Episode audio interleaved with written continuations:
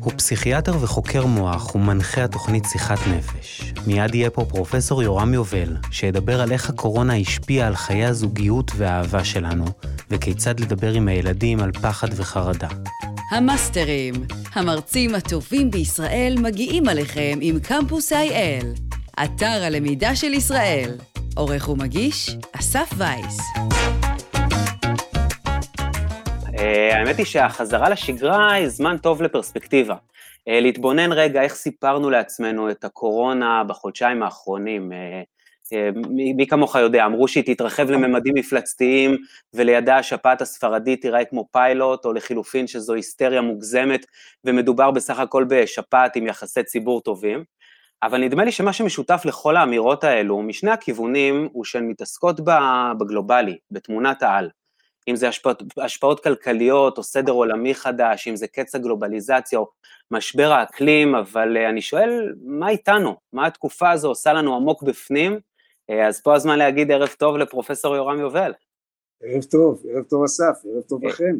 ערב טוב, אז תודה לך שהגעת. אז האמת היא שהייתי רוצה לשאול אותך מה, מה עובר עליי, אבל זה לא ממש טיפול. פסיכולוגי כשצופים בנו מאות אנשים, אז ננסח. את זה אחרת. מה עובר עלינו? כן, אני חושב שכל אחד מאיתנו הוא עולם מלא, כל אחד uh, עובר uh, מה שעובר עליו. Uh, אני חושב שכן חשוב להבין שהסיטואציה שאנחנו נחשפנו אליה בחודשיים האחרונים, לכל אחד ואחד מאיתנו הייתה חדשה. כדבר כזה עוד לא היה לנו. זאת שילוב נעזוב על מגפות ובהיסטוריה של המין האנושי וכולי, אבל הקורונה פגעה לנו ברקמה של הקשר הבין אישי. ואני חושב שהרבה מאוד מהבעייתיות של, של המשבר הזה נובעת מזה. כי אם אתה חושב על זה בעצם ככה אז בעצם מה אנחנו מקדמים? היה משבר דה לוקס כן? לא נפלו פצצות ברחובות היה מספיק אוכל אה, אה, לא ניתקנו מהחשמל אנשים לא קפאו למוות אה, אתה יודע לא היה צורך המוני במנות דם למרות שעכשיו כאן ראיתי והתגובות מבקשים. אה, זה היה כאילו משבר שקט אבל אני חושב שהוא כל כך השפיע על אנשים בגלל, דבר ראשון הפגיעה בשגרה, זאת העובדה ששגרת היום יום, שגרת העבודה וכולי הופרה, ודבר שני בגלל שזה דבר חדש, בגלל שזה דבר שבעצם לא ידענו לכתוב, אנחנו, רגילים לעבוד ב, ב, בשגרה, אנחנו יודעים איך להתנהג במסעדה, אנחנו יודעים איך להתנהג בבית כנסת, אנחנו יודעים איך להתנהג בבית ספר, כן? איך להתנהג בזמן קורונה, אף אחד לא יודע? והיינו כן. צריכים כל אחד ללמוד את זה בעולם הקטן שלו, עם האנשים הקרובים אליו, בנסיבות שלו, ללמוד את זה מאפס, ואתה יודע, ללמוד דברים חדשים זה מלהיב, אבל uh, זה גם לפעמים לא פשוט. ו- ואיך לדעתך נצא מזה? כלומר, כבר עכשיו יש uh, התחלה של יציאה, נצא כן. מזה קצת שונים? כן, אני פה, ודאי, אנחנו כל הזמן משתנים, זאת החיים כותבים אותנו כל הזמן מחדש, וכל אחד מאיתנו הוא הסך הכל של כל, אה, כל מה שראינו וכל מה שעבר עלינו. אה, יש פה נקודה שאני רוצה להדגיש אותה, אני מניח שנבוא אליה אה, שוב ושוב. אחת מתופעות הלוואי של, של ההפחדה עכשיו ואני גם על זה עוד אדבר, הפחידו אותנו מאוד מאוד עם המגפה הזאת ו, ואני חושב שאפשר להבין את ההצדקה בזה כי אנחנו ישראלים ידועים בתור עם שמעגל פינות אז אם לא היו מתחילים להלחיץ אותנו ולהפחיד אותנו זה, אז מי יודע אם מישהו היה בכלל מציית לזה אה, אבל הצד השלילי של זה זה שאנשים כל כך נבהלו ובאופן פרדוקסלי האנשים שהכי נבהלו זה אנשים שהבדידות הכי מזיקה להם. זאת אנשים שהם זקנים ובודדים ונמצאים לבד ואין להם את הקשרי יום יום עם, עם עוד אנשים אחרים, אה, דווקא הם שנמצאים בסיכון הכי גבוה במחלה, עכשיו מפחדים לחזור לשגרה. ו, ופה יש לנו בעיה, כי אני חושב שאנחנו צריכים לקחת דוגמה ממלחמות ישראל, זאת אומרת אם אנחנו מדברים על, על הקורונה בתור מלחמה ואם ניצחנו את המלחמה או ננצח אותה ביחד וכולי, אז בואו ניקח את הדוגמה של מלחמות ישראל. אה, אף אחת ממלחמות ישראל לא הסתיימה בשלום. כן? זה פשוט לא נגמר ככה. זאת כל מלחמות ישראל הסתיימו בהפסקת אש מתוחה ו- ולעיתים קרובות גם במלחמת התשה שנמשכה ככה בעצימות נמוכה עוד הרבה זמן ואז שנים אחרי זה אם בכלל אז בא השלום וגם הוא שווה ובכל זאת ישראל ידעה לחזור לשגרה זאת אומרת צריך להגיע רגע שבו אתה חוזר לשגרה לא כי הכל תקין לא הכל כן. תקין? אבל אתה אומר עכשיו די אי אפשר לחיות כל הזמן במצב חירום וכמו שידענו לגייס את המילואים ככה צריך לשחרר את המילואים. אני חושב שהקריטריון מתי לעשות את זה לא צריך להיות כשסכנת הקורונה תחלוף. כי סכנת הקורונה לא תחלוף. זה עוד אחד מהדברים שאני אצטרך לחיות איתם. וכמו שיש לנו הרבה סכנות סכנות של תאונות דרכים וסכנות של מחלות סרטן ומחלות כלי דם ומחלות לב, יש גם את הסכנה הזאת, ש, שגם איתה, מה שאנחנו רוצים לעשות זה, בזה הצלחנו, כן, זה לכווץ אותה לממדים ש, שבהם אנחנו חושבים שנוכל להשתלט עליה גם אם תתדרדר, ואז צריך לחזור לשגרה, לא כי הכל בסדר, כן, אלא כי צריך לחזור כן. לשגרה. ואם נוסיף לתמונה את כל, ה, את כל החידוש של, אה, ש, שמאוד מאוד אפיין את הקורונה, התיווך הדיגיטלי, נדמה שמשהו ממש משתנה בכל תפיסת המרחב שלנו, כי פתאום הקרוב פיזית הוא לא בהכרח רלוונטי מבחינת עבודה, לימודים, אינטראקציה חברתית, אז מה המעבר הדרסטי הזה למרחב וירטואלי עושה לנו רגשית? אה, אסף, זה, זה לא רק שהוא לא רלוונטי, הוא אסור, זה בדיוק הדברים שאנחנו רגילים, כן, שיחה פנים אל פנים, לשים למישהו יד על הכתף, אנחנו ישראלים, עם שמחבק ומדבר מקרוב וכולי, ופתאום לא רק שזה לא רלוונטי, זה אסור. אה, אני חושב שבזה הקורונה הכחישה תהליכים שממילא היו קורים, אבל המרחב הווירטואלי מתאפיין בזה שאתה יכול להיות כל הזמן בכל מקום, זה חשוב אז אני אגיד את זה עוד פעם.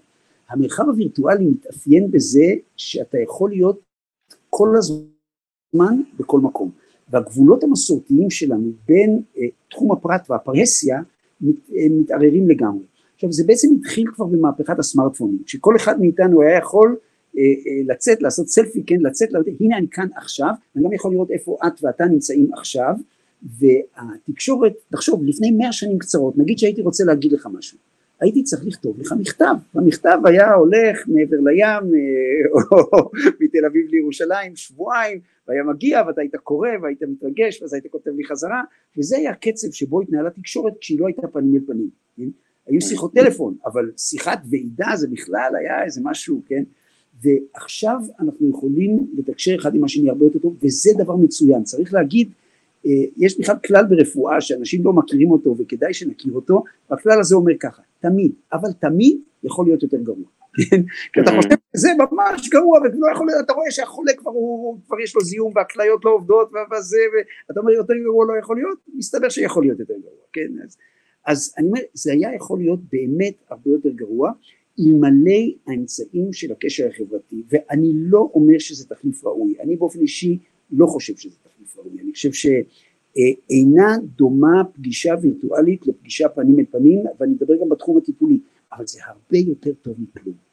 ובעידן אה, אה, שבו אנחנו רוצים לבטל את המרחקים, כן, אין כלי יותר טוב מזה. זאת אומרת, אה, ראינו את הדבר הזה בליל הסדר, שבאמת בעם היהודי, בכל מקום, כן, את מה שלא יכולנו לעשות במשך שלושת אלפים השנים, את מה שיכולנו לעשות במשך שלושת אלפים השנים האחרונות, והיהודים חוגגים את ליל הסדר לפחות שלושת אלפים שנה, כן, אה, אה, לחגוג את זה במשפחות מורחבות, כן, את זה הצלחנו לעשות דרך עוד פעם הפסיקה הנהדרת של הרבנים הספרדיים שכרגיל הם, הם הרבה יותר מוכווני מציאות ו, ויודעים שלא ייקוב הדין את ההר ושאין גוזרים גזירה שהציבור לא יכול לעמוד בה, שנתנו לנו ל, ל, ליהנות מה, מהנוכחות הזאת בשולחן הסדר ולחבר את המשפחות. ואני לא אומר זה לא אותו דבר כמו כשסבתא יוצאת ונמצאת פה והנכד אה, הולך לחפש את האפיקומן שסבא החביא אבל זה לא רע.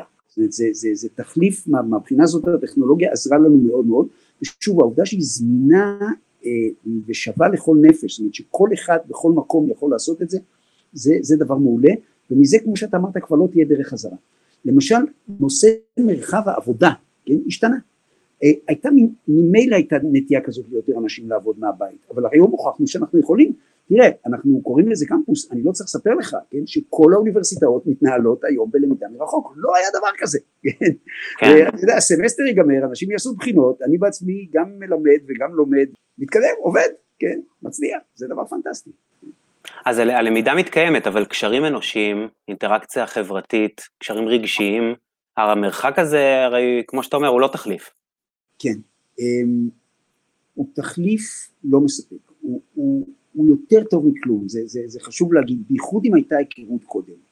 אה, אבל אל תשכח, מי, ש, מי שכתב על זה הרבה זה, זה הפילוסוף אה, אה, בן זאב, פרופסור בן זאב, ש, שמדבר על קרבה מרוחקת, הוא מדבר בעצם על כל המהפכה הדיגיטלית, הוא דיבר על האפשרות לאתרים באינטרנט, שאתה, היכרות, שאתה לא באמת יודע עם מי אתה מדבר, כן, אתה מדבר עם איזושהי זהות עלומה, ואתה יכול ליצור איתה קרבה מאוד מאוד גדולה למרות ואולי בגלל שלא נפגשתם מעולם, הוא קרא לזה תופעת הזר, הזר ברכבת או הזר במטוס, שאתה יושב ליד מישהו שלא הכרת ואתה מספר לו את כל סיפור חייך, דברים שלא היית מספר לחברים הכי טובים שלך. זאת אומרת, יש בווירטואליות דברים שיכולים להקל. ואלוהים יודע, זה אני יכול להגיד לך גם כן עוד פעם מתחומי הטיפול הנפשי, שלאנשים שיש להם קשיים בקשר אנושי קרוב, למשל אנשים על הספקטרום האוטיסטי, למשל אנשים שיש להם בעיות נפשיות מסוימות, האפשרות לקשר וירטואלי עם אנשים כמוהם שמבינים לליבם בכל העולם זאת האפשרות ליצור קהילות היא, היא, היא נהדרת. אבל כן. אם אנחנו מדברים על המחיר של הקורונה אז בדיוק חשוב לחשוב על, על המשמעות של המילים האלה, מה זה קהילה? קהילה זה ציבור של אנשים שמתקהל, כן? מה זה חברה? זה ציבור של אנשים שמתחבר, ובדיוק האפשרות להתקהל והאפשרות להתחבר, אלה, אלה הם הדברים ש, שתקנות הריחוק החברתי אה, פגעו בהם והרחיקו אותנו, ואני חושב שזה יותר קשה לנו ממה שאנחנו משערים, או לפחות ממה ששיערנו בהתחלה. כן, לגמרי, אז כן, אז, אז, אז זה מביא אותי באמת לנקודה הבאה שהיא אולי קצת פחות אופטימית, הסיפור של חרדה, של דיכאון, כי, כי נשמע שהקורונה בסופו של דבר היא סכנה מזערית לעומת רמות החרדה הגבוהות שאנשים אה, חווים וחוו. זה, זה כמובן נכון, ואני חושב שיש לזה שתי סיבות עיקריות. הסיבה הראשונה היא הסיבה שהפחידו אותנו, וחשוב לי להגיד, הפחידו אותנו בפירוש, הפחידו אותנו מעל ומעבר.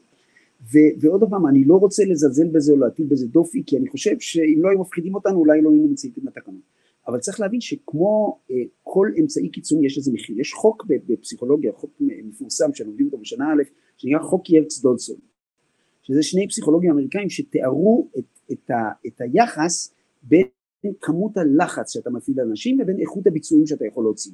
וכשאתה עושה את זה אתה מקבל מין עקומה כזאת, עולה ויורדת. זאת אומרת, שאם אתה לוקח אנשים ואתה רוצה שהם יגיעו לאיזשהם ביצועים ואתה לא מפעיל להם שום לחץ, לא יקרה כלום. שבגלל זה באוניברסיטאות יש בחינות, כן? אם היינו אומרים חבר'ה, מבינים, זה חשוב, תלמדו, אנחנו סומכים עליכם, אז לא היה כלום, כן? ואנחנו יודעים את זה, ולכן יש בחינות אחרות שאנשים לא היו לומדים. אה, ואתה יודע שככל שאתה מגביר את הלחץ, אתה משפר את הביצועים, אבל אתה יודע שזה לא דבר שאין לו סוף, אתה יודע ש... אם תגדיל את הלחץ יותר מדי אתה תגיע כבר למצב שבו עוד לחץ רק עושה חרדה והלם ואפתיה ואדישות ודיכאון ופחדים וכולי שפוגע בביצועים, כן? פוגע כן. גם מבחינה קוגניטיבית.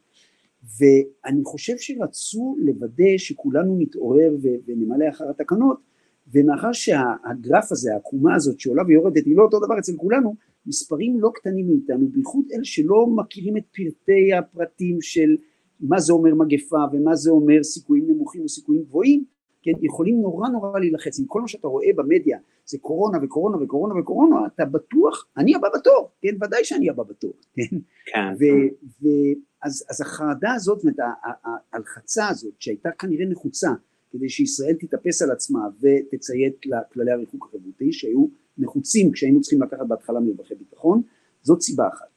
הסיבה השנייה היא עצם התקנות להפרדה, כי בעצם נפגעו שלושה דברים שמגבירים את הדחק ואת החרדה, ואני אמנה אותם, כן?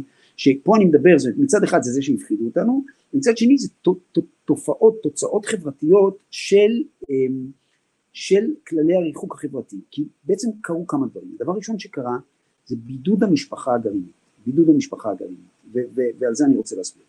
שוב הקורונה אה, אה, האיצה תהליכים שבעצם תהליכים חברתיים שמתקיימים כבר הרבה זמן. ופה אני רוצה להגיד שאנחנו חיים היום בעיצומו של ניסוי חברתי שכמוהו מעולם לא היה, כן, בכל תולדות המין האנושי, והוא חדש. וזה לנסות לגדל ילדים במשפחות גרעיניות. זה לא היה ככה. זה מאז ומעולם היחידה המינימלית של, של המין האנושי הייתה משפחה מורחבת, החמולה, כן? זאת אה, אה, משפחה תלת דורית של אנשים שגרו ביחד או קרוב אחד לשני וככה משימת גידול הילדים שהיא משימה מאוד מאוד קשה הייתה מתחלקת לא רק בין שני ההורים אלא בעוד כל מיני אנשים אבא יוצא לעבודה יש דודה שתטפל סבא עכשיו בפנסיה אז הוא יכול קצת לעזור וכולי וכולי וכולי. ואז באה המהפכה התעשייתית ובני אדם התנגדו אל הערים והמבנה הזה של המשפחה המורחבת נשבר ושוב בארץ אנחנו מרגישים את זה פחות כי המרחקים הם קטנים אבל בארצות הברית רוב האנשים רואים את סבא וסבתא שלהם וכשהם מבוגרים גם את אבא ואת אמא שלהם פעמיים בשנה כן בחג המולד ובחג ההודיה וזהו כן. ו- וככה חיים אנשים. עכשיו לתוך החלל הזה מאחר שקשה מאוד לגדל ילדים אז לתוך החלל הזה כן שפעם מילה משפחה מורחבת מי נכנס? המסגרות הממוסדות שאנחנו מכירים אותן. בתי ספר גני ילדים חוגים תנועות נוער כל מיני אה, מסגרות שבהם הילדים נמצאים לא עם ההורים, במשך היום, מה שהיה בקיבוצים פעם בתי הילדים וחברת הילדים. אמ, ועכשיו באה מגפת הקורונה ומבדדת לגמרי את המשפחה הגרעינית. אומרים להורים, הנה הילדים שלכם לא יכולים לא לבית ספר, לא לגן, לא לקניון, לא לגן המשחקים, לא לחברים, איתכם אתם 24/7. וזה למשפחות עם ילדים קטנים, אני לא צריך לספר את זה, מאוד מאוד מאוד קשה ומכניס לחץ. אז, אז זאת סיבה אחת, בידוד המשפחה הגרעינית. הדבר השני שכבר התייחסנו אליו זה אה, כללי הריחוק החברתי. כי, כי כמו שאמרתי, זה, זה פורם את הקשר האנושי הקרוב שכל כך כל כך חשוב לנו. וצריך אמ, להגיד את זה, ואת זה באמת הבנו ממש בעשרים השנים האחרונות, שהמוח שלנו בנוי לקשרים חברתיים והוא זקוק לקשרים חברתיים קרובים בדיוק כמו שהוא זקוק למזון ולמים ול, ולמקום לישון. זה שהצרכים החברתיים שלנו הם לא לוקסוס, הם חלק ממה שבן אדם צריך כדי לגדול בצורה תקינה וכדי לתפקד בצורה תקינה. וכשאתה לוקח את זה ממנו, כן, אז, אז הם, אמ, אתה יכול להביא אותו למצבי קיצון נפשיים, לכן למשל בבתי כלא עד היום העונש הכי גרוע זה צינוק. מה זה צינוק? זה לא איזה תא רטוב עם עכברים, זה פשוט, אה, נגיד בבתי סוהר בישראל, זה פשוט מקום, שטח קטן שבו סוגרים אותך לבד ואתה לא יכול לצאת ואתה לבד. וזה בשביל רוב האנשים, לא בשביל כולם, זה עונש איום ונורא, בידוד, כן, וראינו את זה גם עם, עם מבודדי הקורונה הראשונים, שהיו כאלה ששברו חלונות ורבו עם שוטרים, וזה שממש הרגישו כלואים, כן, זה קשה, כן, הבידוד mm-hmm. החברתי. והדבר השלישי, אה, ואני חושב שהוא אחת הסיבות שכל כך קשה לנו עכשיו, זו אותה תופעה פסיכולוגית שמרטין זליגמן תיאר אותה בשם חוסר אונים נרכש. ועל זה צריך אה, להסביר קצת, כי זה קשור גם למה אני חושב אנחנו צריכים לעשות עכשיו כדי להתאושש ולחזור לאיתננו כמה שיותר מהר. אז אני אספר ברשותך את, את סיפור החוסר אונים נרכש, והנה הסיפור. אה, בסוף שנות ה-60 אה, דוקטורנט צעיר בשם מרטין זליגמן עושה ניסוי שיכניס אותו להיסטוריה. ומה שהוא עושה זה הוא לוקח אה, כלבים ו, אה, בזוגות ושם אותם אה, בארסלים שמהם הם לא יכולים לזוז והנקודה הזאת היא חשובה. הכלב קשור במין ארסל כזה עם הרגליים שלו אה, קשורות קדימה אחורה לא מכאיבים לו כן אבל הוא, הוא בתוך ארסל הוא לא יכול לזוז ואז את הרצפה של הכלוב שבו הוא נמצא מחשמלים. כן ניסוי אכזרי כשאתה קורא את זה זה לא, זה לא עושה טוב לקרוא את התיאורים האלה. אה, אבל לכלב יש ידית וכשהוא לוחץ על הידית הוא יכול להפסיק את, ה, את החשמל. די מהר הכלבים לומדים שכשהם מחשמלים אותם הם לוחצים על הידית ומפסיקים את זה. עכשיו הכלובים מחוברים, אמרתי כבר שהכלבים היו בזוגות, והכלובים היו מחוברים ככה שמה שקרה מבחינה חשמלית בכלוב אחד זה בדיוק מה שקרה בכלוב השני אצל הכלב השני, אבל היה הבדל אחד, גם לכלב השני הייתה ידית אבל הידית שלו לא הייתה מחוברת לכלום. זאת אומרת הכלב השני חטף את אותם שוקים חשמליים שחטף החבר שלו בכלוב הראשון אבל החבר שלו ידע שיש לו סיכוי להפסיק את זה, שהוא יכול להפסיק את זה. והכלב השני כן לא לחץ, זה בכלל לא היה משנה, הוא חטף את ה... עכשיו, זה שמבחינת ה... ה... הסטרס או מבחינת החשיפה לגורמי סכנה או לגורמים מכאיבים לא היה הבדל בין שני הכלבים, הכלב הזה והכלב הזה בדיוק אותם שוקים. אז, אז הכלבים מבחינת התעוקה הפיזית והעונש הפיזי שהם נחשפו לו היו בדיוק אותו דבר. אבל ברגע שאתה נותן להם עכשיו משהו אחר שבו הם יכולים לקום וללכת, זאת אומרת אתה עוד פעם שם אותם בכלוב אבל בכלוב אחר, עכשיו הכלב חופשי לגמרי, mm-hmm. אתה מחשמל לו את הזה, הוא יכול לקפוץ לצד השני, יש מחיצה קטנה, הוא יכול לקפוץ לצד השני, הכלבים שקודם חטפו את השוק אבל יכלו להפסיק אותו, תוך זמן קצר לומדים לקפוץ לצד השני, לא מתחשמלים בכלל.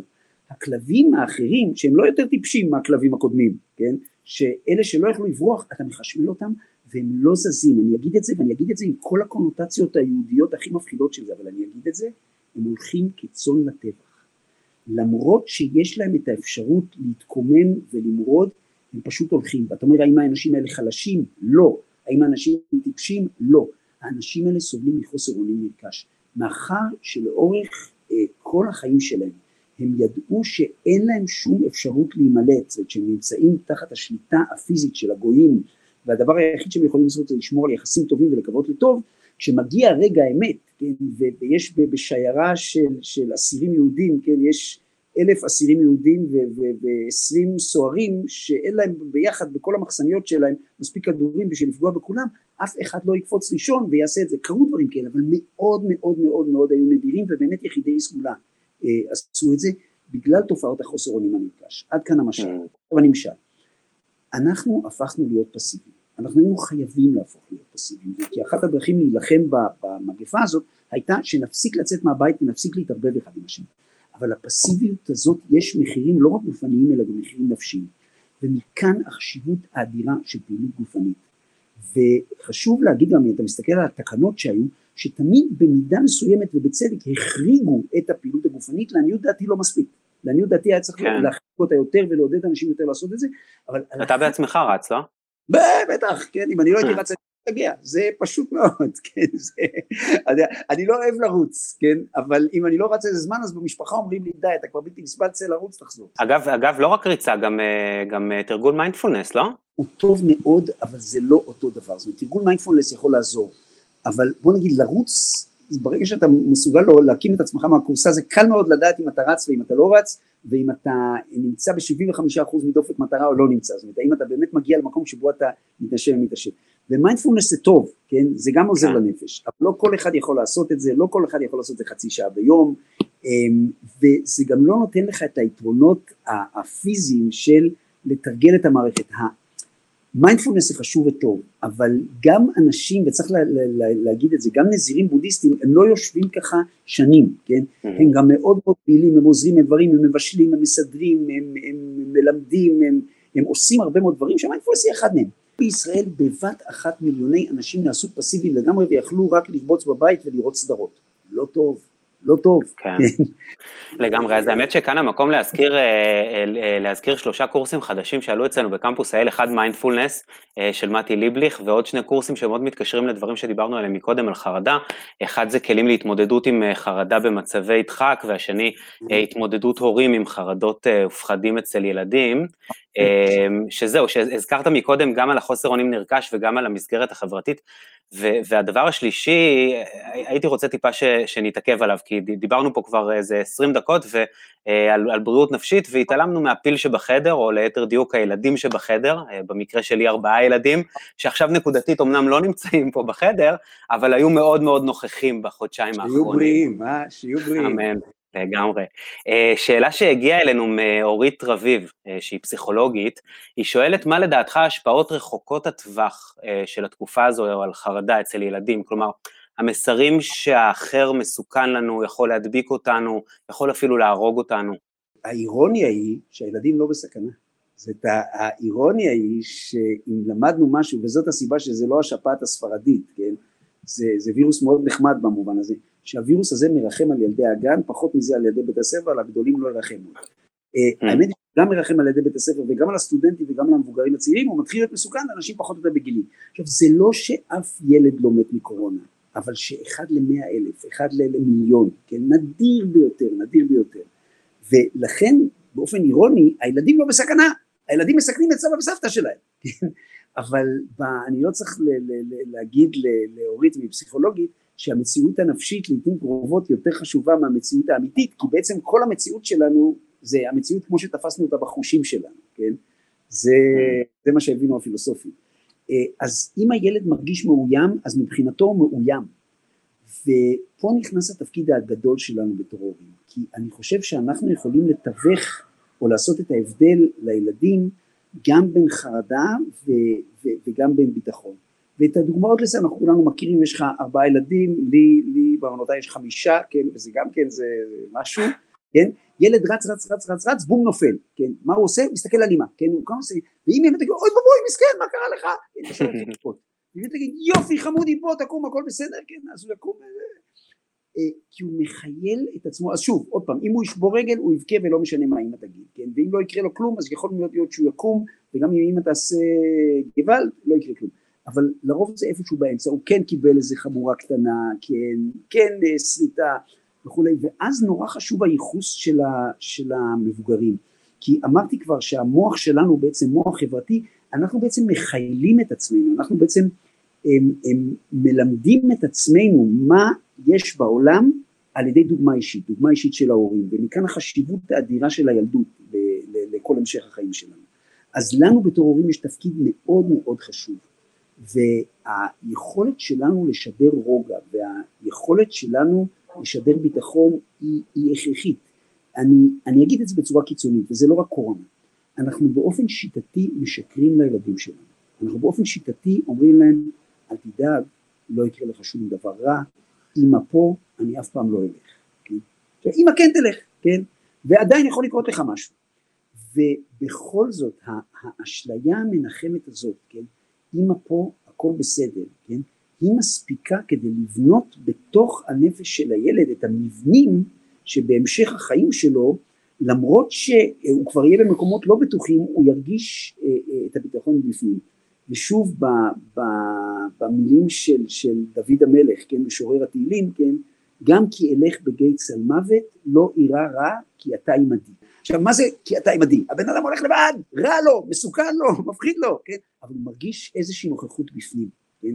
אתה מרגיש בתוכך שיש דמות של אל, דמות של אב, דמות של אם, מישהו שהולך איתך ושומר עליך.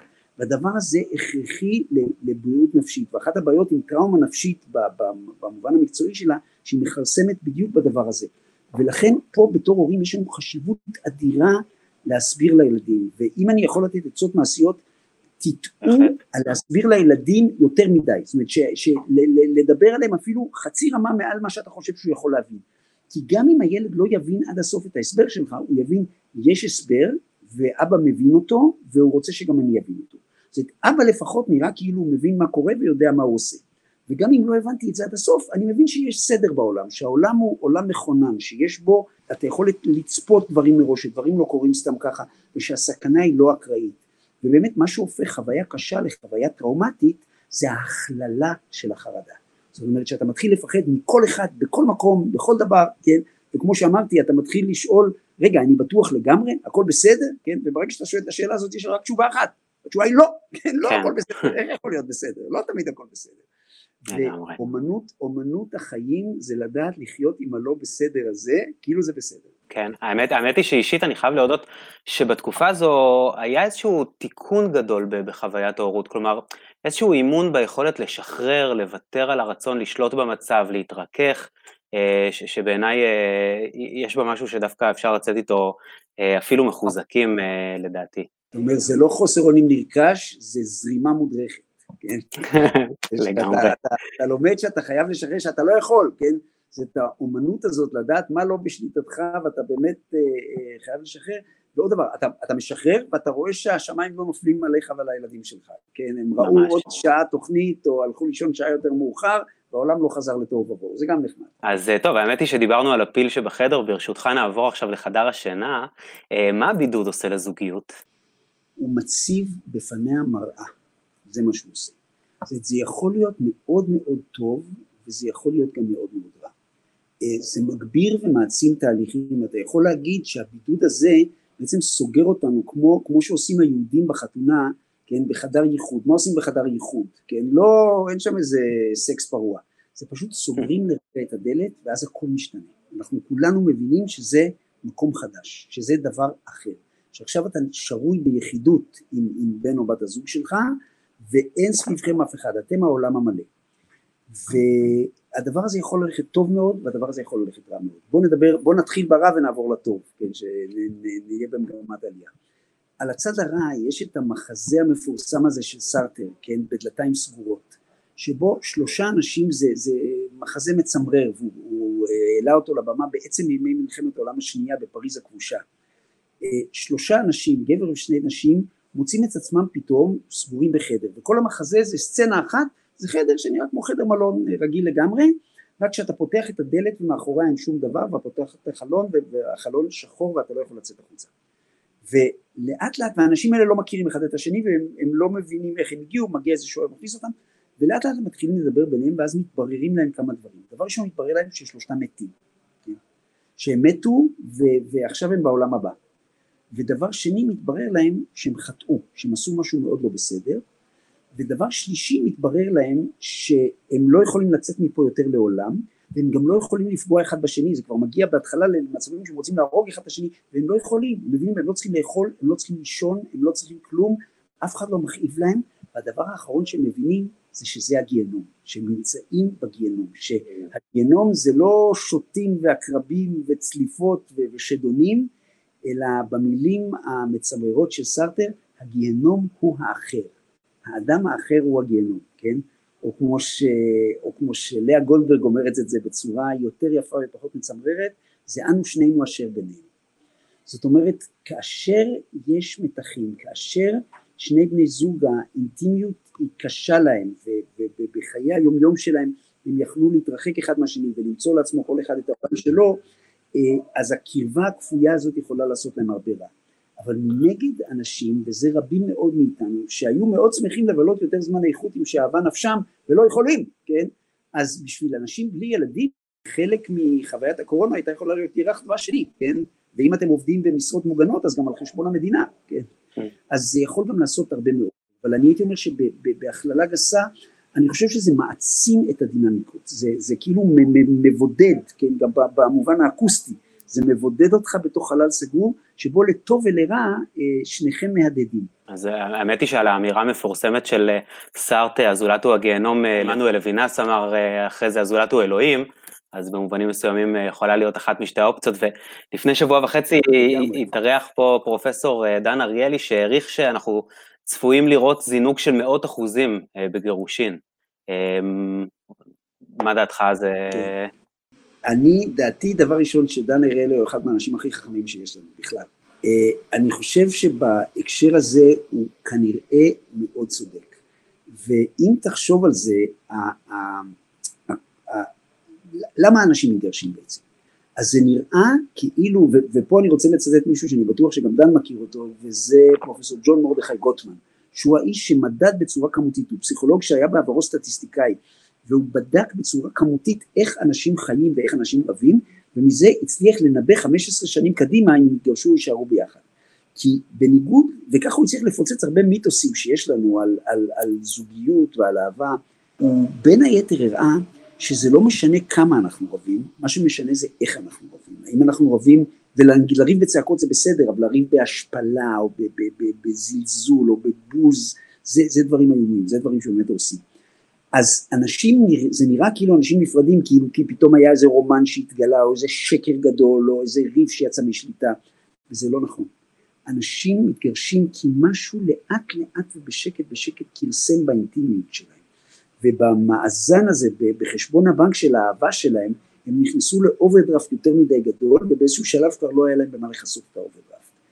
והדרך אה, אה, למנוע את זה, זה לדאוג שתמיד לחסוך, לדאוג תמיד להכניס עוד קצת לבנק האהבה.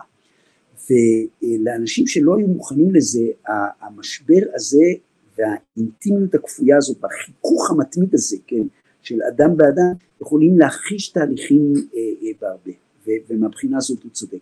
אני חושב שנשמע גם סיפורי אהבה גדולים. אבל אתה יודע, עוד פעם, אבל זה לא נכנס לסטטיסטיקה. לגמרי, פחות מקבל גם אייטמים בעיתונות. אה. כן. טוב, האמת היא שכמו תמיד בטיפול, אה, השעה שלנו הולכת ואוזלת מהר מדי, אה, יש לי עוד הרבה מאוד שאלות, אבל אני רוצה לתת במה גם לשאלות שעולות פה מה, מהקהל. אפרת זיו שואלת, מהי הדרך היעילה ביותר להתמודד עם אגורפוביה? נזכיר שאגורפוביה, תקן אותי אם אני טועה, זו חרדה ממקומות ציבוריים או מאדם, נכון? כן. זה בשביל אנשים שהם אגורפובים, כן, הקורונה הייתה נפלאה, כן, זה בדיוק נותן לך את מה שאתה תמיד רצית, תירוץ להיות בבית, לא לצאת החוצה, לא להיפגש עם אף אחד, הכל דבש וסוכר ענבים, נגמר. כן. אה, הדרך הכי טובה להתמודד עם אגורפוביה זה להתמודד. אני אגיד עכשיו דברים שהם הכללות, אבל הם, הם נכונים. אני חושב שהאתגר, או אם למדנו משהו על ההתמודדות עם אגורפוביה, זה חשיפה הדרגתית. זאת אני, אני אסביר, הטיפולים שהוכרו לנו כיעילים היו שייכים לשני, לשני סוגים, סוג אחד שנקרא אה, הצפה, כן, flooding, וסוג שני שנקרא חשיפה מדורגת. עכשיו, מה זה הצפה? זה כמו הילד שלא יודע לשחות, ואז הולכים וזורקים אותו בעמוקים, כן, ואם הוא מצליח להגיע לזה, אז אולי מה לשחות, כן, אבל זה רע מאוד, כי גם כשזה מצליח, זה משאיר צלקות מאוד מאוד מאוד עמוקות, אה, והיום אנחנו יודעים לא לעשות את זה. הדרך השנייה זה לבנות סיבולת בהדרגה. אה, דבר ראשון הבן אדם צריך לעשות שלום עם עצמו אה, בזה שהולכת להיות לו חרדה. קשה מאוד להתגבר על חרדות כי הן באות ממקום לא הגיוני, ממקום רגשי. והרגשות שלנו מכתיבים לנו את הקוגניציות שלנו, את המחשבות שלנו, הרבה יותר חזק מאשר הקוגניציות שלנו מכתיבות לנו את הרגשות שלנו. זה מה שהופך את לכל כך נפלאים וגם לכל כך מסוכנים. אמ, ולכן אתה לא יכול ללכת לפי המצפן הרגשי שלך, כי המצפן הרגשי שלך אומר לך מסוכן, מסוכן, מסוכן, תישארי בבית. זאת אומרת, אם מה שבדרך כלל קורה לנו, וזאת הסיבה שגם הגורפוביה הולכת ומחמירה, זה אנחנו נמצאים בתוך מצב שמפחיד אותנו, ואז אנחנו נרתעים ממנו. אנחנו נרתעים ממנו, ישר אנחנו מרגישים יותר טוב, כן? אנחנו מרגישים יותר טוב כי החרדה פחתה. כן. אבל אז בפעם הבאה יהיה לנו עוד יותר קשה ועוד יותר קשה, וכדי להפוך את זה, צריך לעשות את הדבר ההפוך, אבל בצורה הדרגתית. זאת אומרת, צריך לחשוף את עצמך כל פעם לקצת יותר חרדה בצורה מדורגת, ואז להוריד את הדבר הזה. ויש הרבה מאוד טכניקות, טכניקות הם, הם קוגניטיביות התנהגותיות, הן הטכניקות שנחקרו בצורה הרצינית ביותר ושינו אחרי בעדויות למחונתן. אה, יש לזה גם אה, הדרכה באינטרנט, אה, יש תוכניות מקוונות לעשות את זה, ומי שהדברים האלה לא עוזרים לו, אז, אז צריך ללכת למטפל ש, שמתמחה, מטפלת, מטפל, שמתמחים בדבר הזה, ובפירוש יכול להיות שהימים האלה של אחרי קורונה זה בדיוק הזמן הנכון לעשות את זה. אמ, רחל אלה שראבי אה, שואלת איך מצליחים להחזיק בתחושת העושר גם בימים כאלה, והאמת היא שזה מעלה לי לראש אם אני יכול להצטרף אליה ולהוסיף משלי, תהייה שאולי סוגיות של עושר ומשמעות יכולות בעצם להתעצם דוווקא מההתכנסות פנימה וההתבוננות העמוקה בתקופה הזו. אה, זאת אחת הסיבות שלצאת לפנסיה יכול להיות מאוד בעייתי, כי פתאום לבן אדם יש זמן לחשוב. כן, ואז, אתה יודע, אנשים יוצאים לחופש, ואם הם לא יעסיקו את עצמם, יש אנשים, דרך אגב, אני לא אחד מהם, כן, אבל יש אנשים שיכולים ליהנות מלא לעשות כלום זמן ארוך. אני לא מסוגל, אני לא מסוגל, אם אני לא עושה, אני, אני, אני נעשה בלתי נסבל, אני יכול יום, יומיים לרבוץ על החוף, אחרי זה אני כבר אחפש משהו לטפס עליו, ללכת. אה, אה, רוב האנשים אני חושב הם יותר כמוני, כי, כי האפשרות להיות הרבה מאוד זמן בתוך עצמך, עם עצמך, לפעמים זה פול טורים בניוטרל. ואני חושב שהחשיבה הזאת העמוקה, המערערת, יכולה להיות טובה במידה, כן, במידה. ואני חושב שבסופו של דבר אנחנו נולדנו לעשות, אנחנו חיות ריאקטיביות, אנחנו, אה, יש לנו גירוי וצריכה להיות תגובה, ו, ובשביל זה אנחנו צריכים קשר עם העולם. ואם לחזור לשאלה של, של תחושת העושר, אני לא חושב שאנחנו חייבים להחזיק בתחושת העושר כל הזמן. אנחנו צריכים רק לא לאבד אותה. זה חשוב אז אני אגיד את זה עוד פעם. אני חושב שהפנטזיה או החלום או הרצון או הציפייה להיות מאושרים כל הזמן זה צרה צרורה, כן? כי אין דבר כזה, כן? לא תמיד אנחנו נהיה מאושרים כל הזמן, אה, אה, כבר קדמונים הבינו ש, שאין דבר כזה ושלהפך, שמי שרוצה כל הזמן להיות במצב של תענוג מקסימלי, סופו שיהיה אומלל, כן? זה מה שהבין קהלת, כן? שהיה לו הכל, הוא היה מסכן. אה, אתה מוכרח איזושהי קונטרסט, אתה מוכרח את החושך כדי שתוכל גם לראות את האור. ו... אני חושב שהאומנות הגדולה זה לזכור שהאור יחזור גם בחושך. זאת אומרת, להאמין או שיהיה לך אור בתוכך, או שתהיה לך אמונה, או שיהיה לך זיכרון, או שתהיה לך תקווה. ומה שהופך מצבים קשים למצבים טראומטיים, ומה שהופך אה, עצב לדיכאון, זה בדיוק הדבר הזה שאתה מאבד את ה... סליחה? שאתה מאבד את, ה, את, ה, את הקשר עם, עם אותה תקווה, עם אותו מקום אחר, שאתה שרוי לגמרי בכאן ובעכשיו. ואז אתה, אתה מאבד את המעבר. אז אומר, אנחנו לא צריכים להיות מאושרים כל הזמן.